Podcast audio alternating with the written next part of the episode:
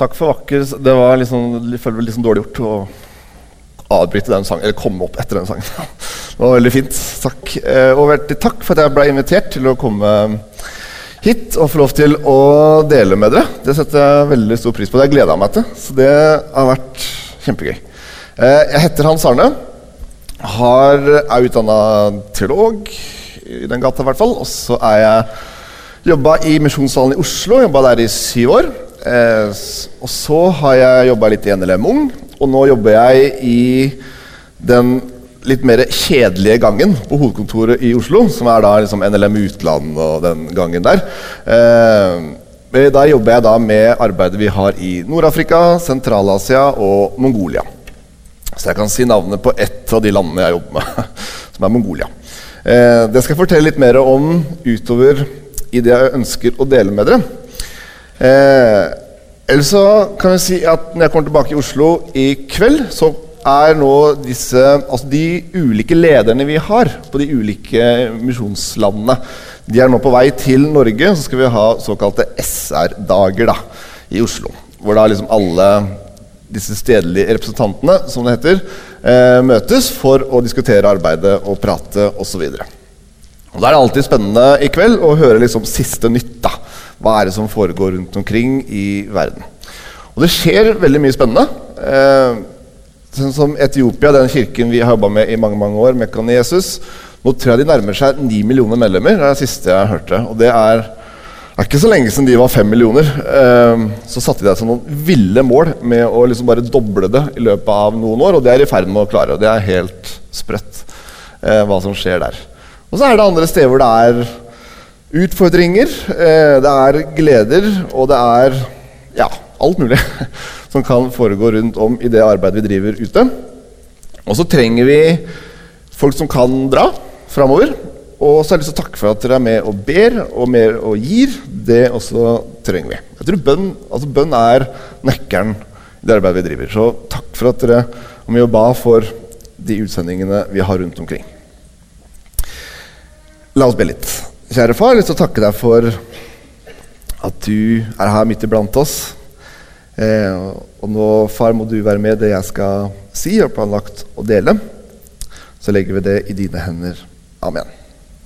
Jeg har lyst til å starte med tempelet i Jerusalem. Jesus, Det nærma seg påske, og Jesus var på vei til tempelet i Jerusalem. Og Da kom han inn på, inn på forgården. Altså Du kom først inn på denne enorme eh, tempelplassen, eller forgården. Og så kunne du gå videre derfor inn i disse ulike rommene hvor eh, jødiske kvinner ba der, eh, jødiske menn ba der, og så var det det hellige, og så var det det aller helligste.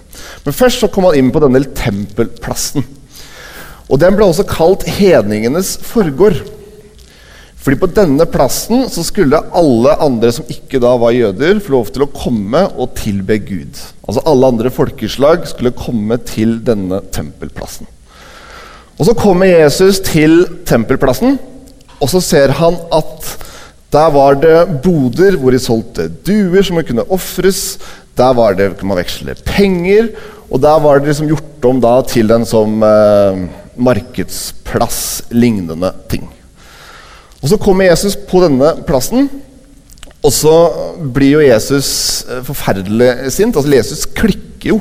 Han blir ikke bare litt sint, han blir veldig sint. Han klikker, begynner å jage de ut, velter border osv. Og så har vi kanskje spørre oss liksom, hvorfor gjorde Jesus det? Ble han bare så sur fordi man måtte solgte duer?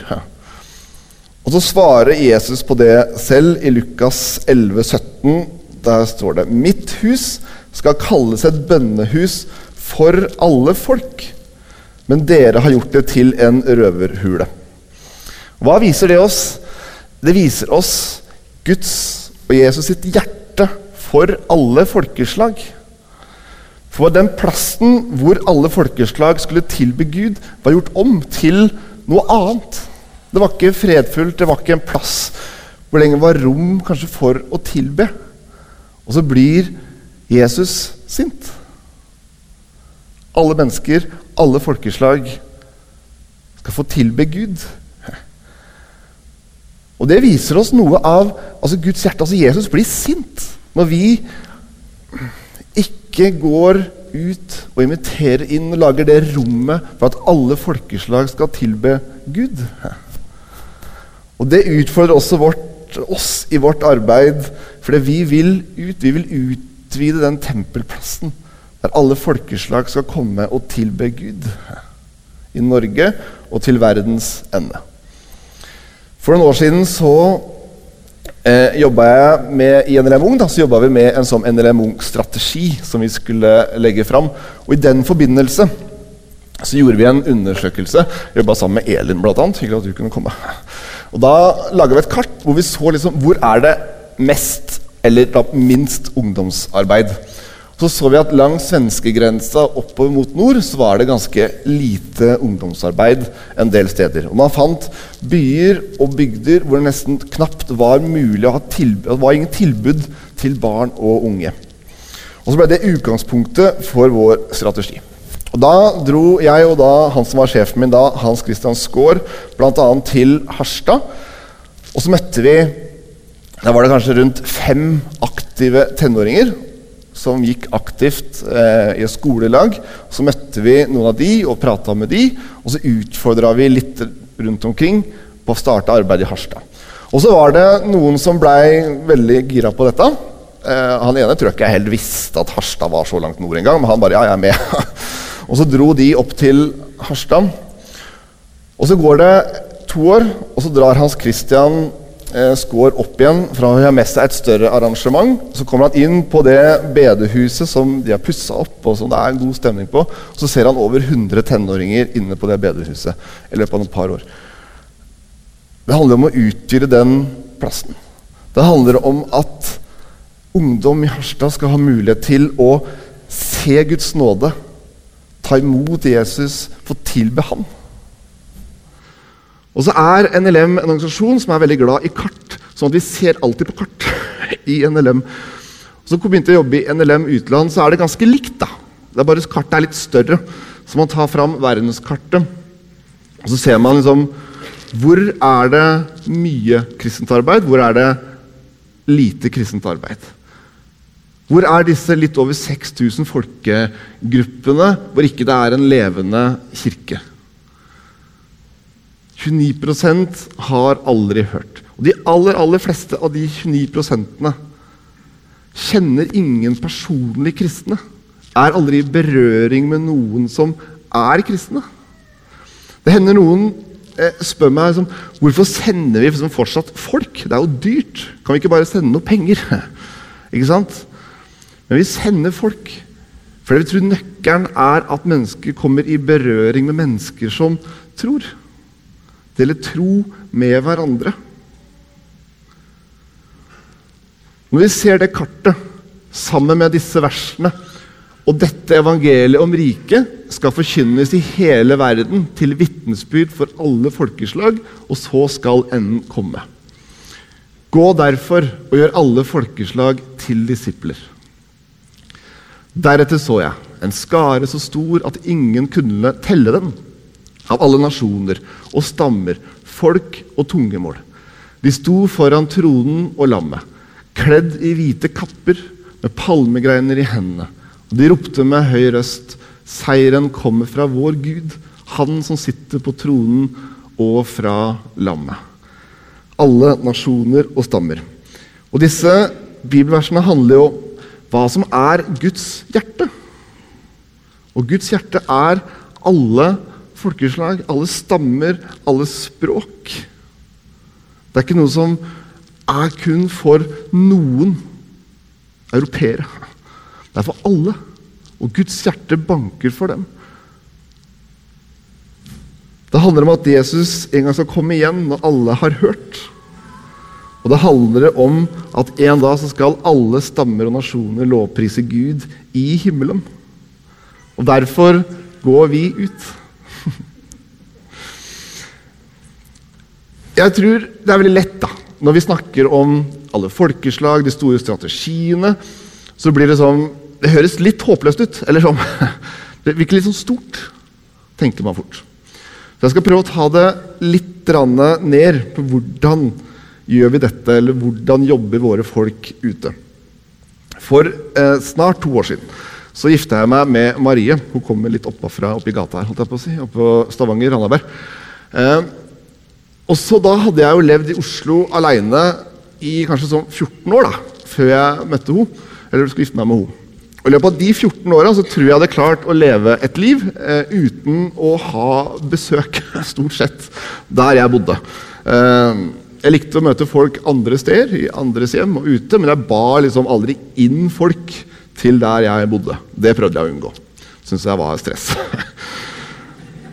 eh, og Så oppdaga jeg jo til min skrekk at jeg nå skulle gifte meg og flytte sammen med ei som var stikk motsatt.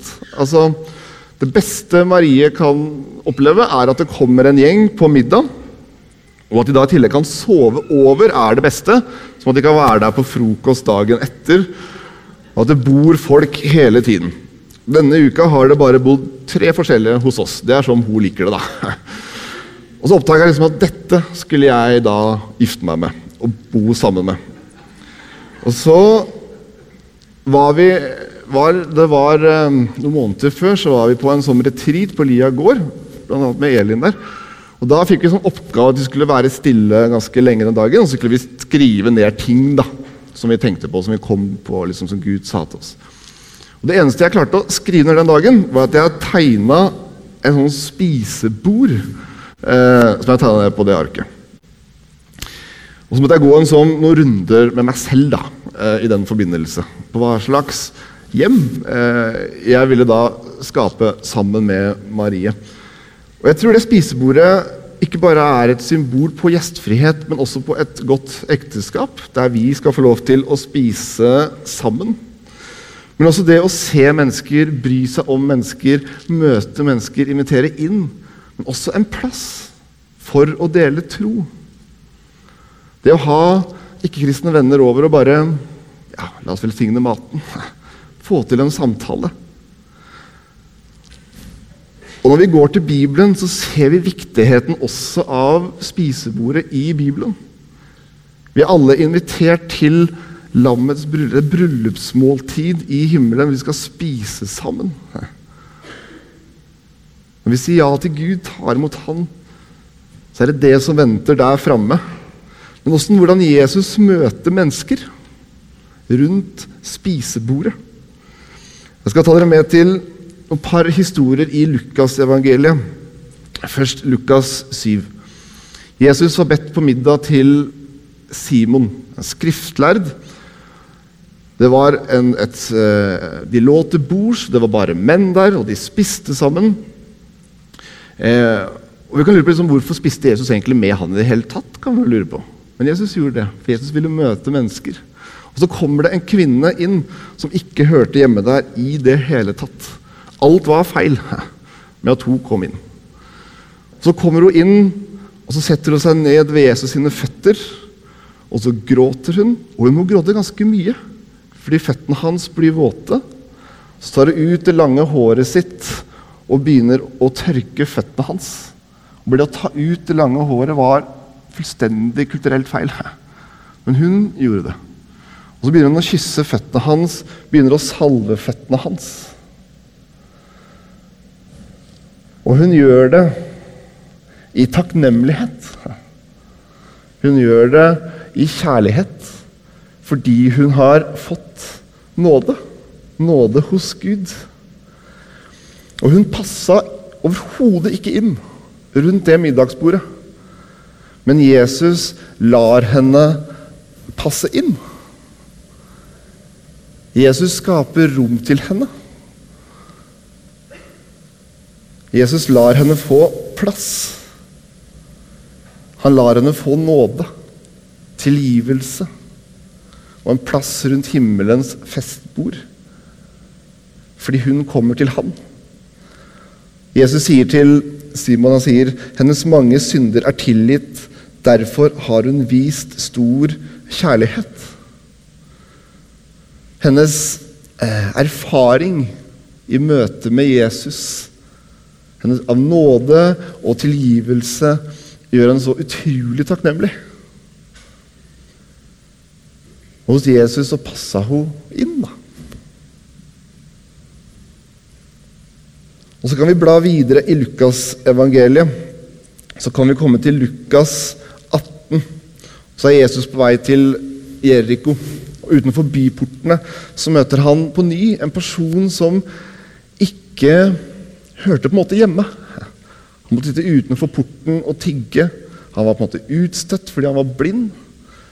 Og Så sier Jesus til han, 'Hva kan jeg gjøre for deg?' Og så får han synet tilbake. Jesus gir han en plass. Jesus ser han. Nåde. Og Så går Jesus inn i Jeriko, innafor bymurene. Så kommer han til et tre, og der sitter selvfølgelig Sakkeus. Han som var rik, overtoller, han som hadde gått over til romerne, gått over til fienden. Han var en, en sviker i byen. Han var en hata person. Han passa overhodet ikke inne. Og så sier Jesus til han, 'Fort deg, kom ned, for jeg vil hjem til deg. Jeg vil spise med deg.' Det betyr ikke at Jesus syntes det var greit med at han stjal penger og alt det han holdt på med. Jesus hater synd. Men Jesus så Sakkeus. Han så mennesket. Og så skjer det jo et eller annet da, i den samtalen under den middagen. For det ender opp med at Sakkeus vil gi bort halvparten av alt han eier. Firedobbelt igjen til han har tatt penger fra. Og så var det et møte med Jesus, og Jesus ga han en plass. Han gjorde plass til han, han lytta til han, han brydde seg. Han forsto han. Men først og fremst så møtte disse tre personene Frelseren. De møtte nåden, han som tilgir. De møtte nåde alene, tro alene, tilgivelse alene. Og de møtene med Jesus ønsker vi å formidle ut til en hel verden. Og peke på Han, peke på Han som er nåde aleine. Og Det som fascinerer meg, eller som er så fantastisk med historien om Sakkeus, er at Jesus ba han ikke om å, å, fikse opp livet først. Han sa ikke sånn du, om, eh, om to dager kommer jeg tilbake. Se om da han har klart å gi bort så, så mye penger osv. Så, så skal jeg besøke deg. Han sa det motsatte. Han gikk inn først. Det kan jo hende innimellom at vi noen ganger har våre kirkedører såpass lave at du må fikse livet ditt først. Før du kommer inn. Men Jesus kommer til Sakkeus først. Så får Sakkeus dette møtet med Jesus, og så skjer det noe med Sakkeus. Og Det var derfor fariseerne klikka på Jesus, fordi han gikk inn først. Han venta ikke til de hadde fiksa livet sitt. Og så sier Jesus i Lukas 1910. I dag er frelse kommet til dette huset, for også han er en Abrahams sønn.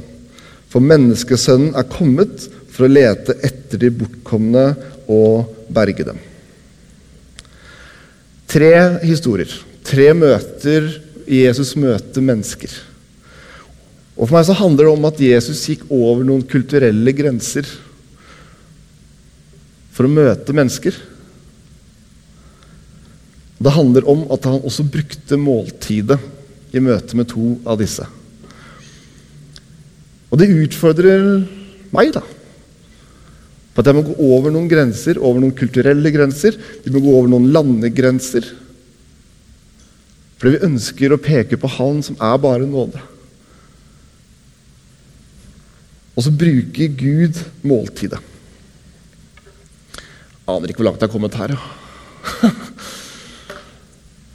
I 1994 så begynte NLM å jobbe i Mongolia. Da kom han til hovedstaden Ulan Bator. Og I Ulan Bator i 1994 så regna man med at det var fem, syv, ti kristne fikk man da fortalt i hele Mongolia. Og Så begynte NLM å jobbe i dette landet. Og Siden da så har vi jobba med diakonale prosjekter, med kirkearbeid og med evangelisering i Mongolia. Og Et av disse diakonale prosjektene som helt kort handler om at i Mongolia så er det, det er et nomadefolk. Så de flytter mye rundt. Og som fører til at når barna er seks år, så må mange sende barna sine på internater, skoleinternater. Så har vi da i nå ja, ganske mange år jobba med barns rettigheter på disse internatene i Mongolia. Det handler om at de får nok senger, at det er eh, bra mat osv. osv. Rettigheter for disse barna. Og så skjedde det da at eh, kirken i Mongolia har vokst. Nå regner man med at det er en 40 000-50 000 kristne i Mongolia av rundt 3 millioner innbyggere. Og Da tok jo da selvfølgelig NLM opp dette kartet sitt igjen, da, som de alltid gjør. og sier liksom ok, hva gjør vi videre nå? Og så bestemte NLM seg for å dra så langt vest man kunne. Det er jo også det NLM driver med. Man kjører så langt man kan, og litt lenger. Så det nesten ikke er folk igjen. så er man der, på en måte. Eh, så det gjorde man, da. Helt vest i Mongolia. For der bor det en folkegruppe som heter kasakh-folket. Og så begynte man å jobbe med kasakh-folket, som tilhører den store eh, kasakh-folket fra Kasakhstan. En muslimsk folkegruppe. Rundt 200 000 som bor i Mongolia. Noen bitte, bitte små, få huskirker kan du finne der. Noen få kristne.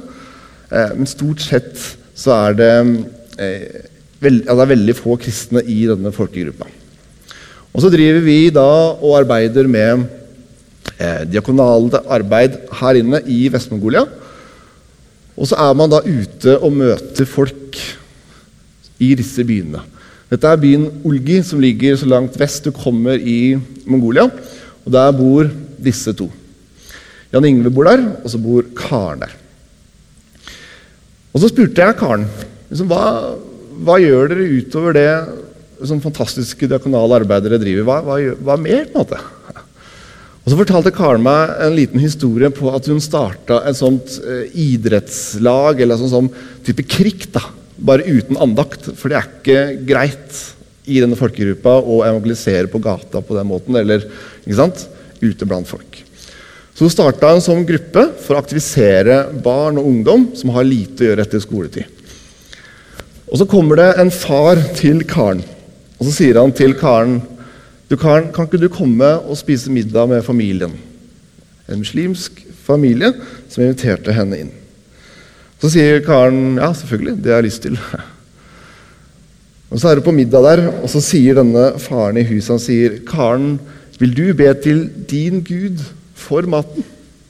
Vil du be til din Gud for maten?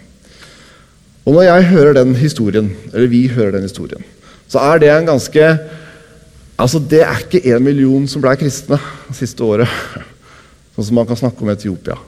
Det er, en, det er jo ikke en utrolig historie i det hele tatt. Den er utrolig hverdagslig.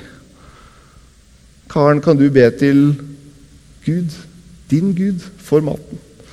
For meg så handler den om hvorfor vi er der, og hva vi gjør. da. For Vi spiser middag med folk, og vi møter mennesker. Og så får vi drypp på drypp på drypp få lov til å dele det budskapet om Guds nåde, om hans tilgivelse, om hans frelse. Vi spiser middag med folk.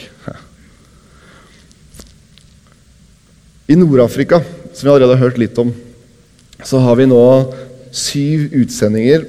Åtte barn som bor i et land i Nord-Afrika.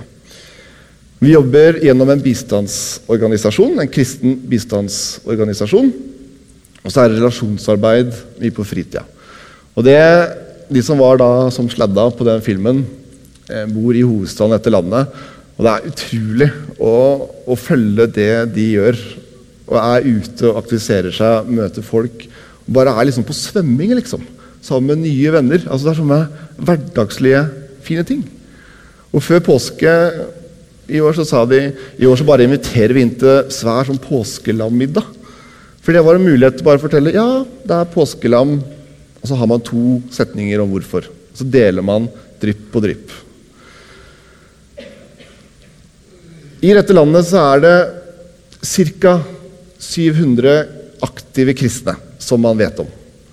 Og så er det en del kristne som lever i skjul, i redd for hva som skal skje med dem. Og Noen av våre utsendinger har bodd i en liten, mindre by hvor det er rundt 50 000 innbyggere. Og så er det en del av et internasjonalt team der som er utsendinger fra ulike land rundt omkring i verden. Og I denne byen med 50 000 innbyggere så er det ei de vet om, som er kristen, som tror på Jesus.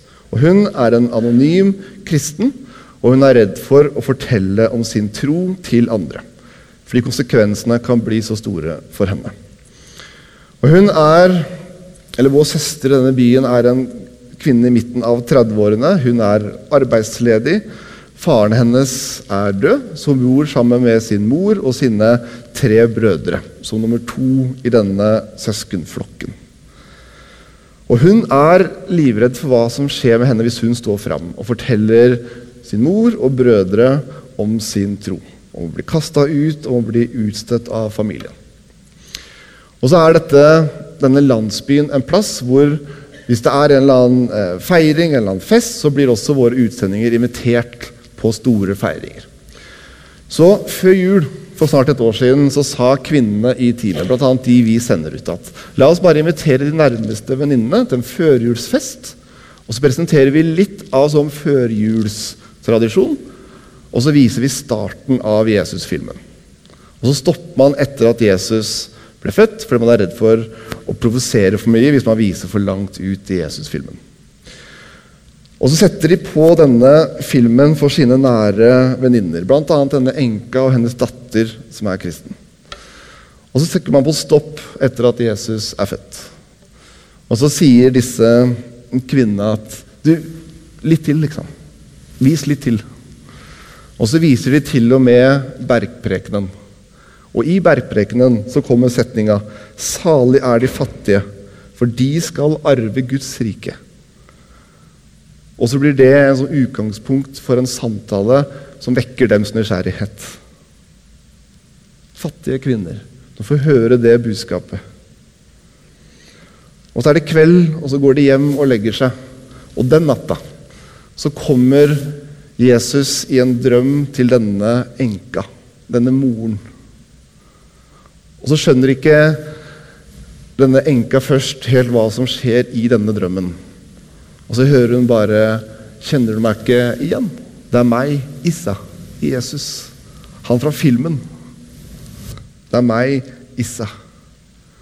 Og Husk at dette er i en kontekst hvor det å få en drøm virkelig betyr noe. Det er et budskap, og ingen kan si imot en drøm. Det er meg, Issa, Jesus. Og så begynner denne kvinnen å fortelle naboene Vet du hva? Issa kom til meg i en drøm. Så begynner å fortelle sønnene sine og dattera om det. Jesus kom til meg i en drøm. Og så begynner denne eldste broren, han som nå på en måte er leder, å fatte liksom, hvem er Issa? Hvem er Jesus? Og så begynner han å spørre imamene, og så begynner han å google på nett. Og Hvis dere har googla litt på nett og googla 'Hvem er Jesus', så kan jo hende han kommer innom også kristen tro. For et drypp, og for et møte med nåde. Så sier han som bor der oppe, som vi har sendt ut, han sier at vår tro, vårt håp og vår bønn er at han skal ta imot Jesus. Og hvis han gjør det, så følger familien etter, og da kan vår søster få endelig få lov til å stå opp, stå fram, som en kristen. Hun som skjuler sin tro. Og Derfor er vi i Nord-Afrika, for å være en medvandrer for denne jenta. Og for å dele tro, spise middag med folk, fordi vi har en historie å fortelle. Vi har et budskap å komme med. Et budskap om en som døde for alle menneskers synder. Vi har en historie å komme med hvor vi inviterer inn og viser Guds nåde. Og jeg tenker at misjon er når Kirken beveger seg utenfor sitt eget hus for å avlegge det vitnesbyrdet. Og det betyr jo også i våre hjem, da. For meg så er det liksom umulig å bare prate liksom om verdens ende, men også ha med våre hjem. Og helt til slutt Min eh, bestemor hun vokste opp Det er en historie jeg forteller, sikkert, Elin har sikkert hørt den 24 ganger. Men jeg forteller den veldig ofte. Men hun vokste opp her. Og min bestefar han vokste opp her. Det, altså det var nærmeste nabo. Og så ble de selvfølgelig da gift. Og sånn funka det. Eh, og bestemor kom ikke fra noen kristen familie. Men så fikk hun en møte med sin framtidige svigerfar, som da blir min oldefar. Og Han var en sånn type som eh, fikk beskjed om å ikke synge høyt på bedehuset, da, fordi det var så stygt. eh, og så hendte at han prøvde å vitne, og da han egentlig et av de flotteste vitnesbyrdene jeg har hørt. For han sa han reiste seg opp og så sa han, 'Dere skjønner hva jeg mener.' Og så satte han seg ned igjen. Og det er, Noen ganger så er det ganske godt sagt. Men så, når han melka kuene, da, da sang han for full hals, liksom. Da var det bare eh, bånn juling på den sangen. Og da var det om Guds nåde, om hans frelse. Og En dag så kom da min bestemor gående forbi, og så hører hun da sin framtidige svigerfar synge av full, ja, liksom full trøkk. Og Da stopper hun opp, kneler ned, og så tar hun mot Jesus utafor den låvveggen. Eh, det hadde ikke så mye med den stemmen å gjøre, det var ikke alle de flotte orda. Men det var det budskapet, den historien, om Guds nåde, om hans frelse.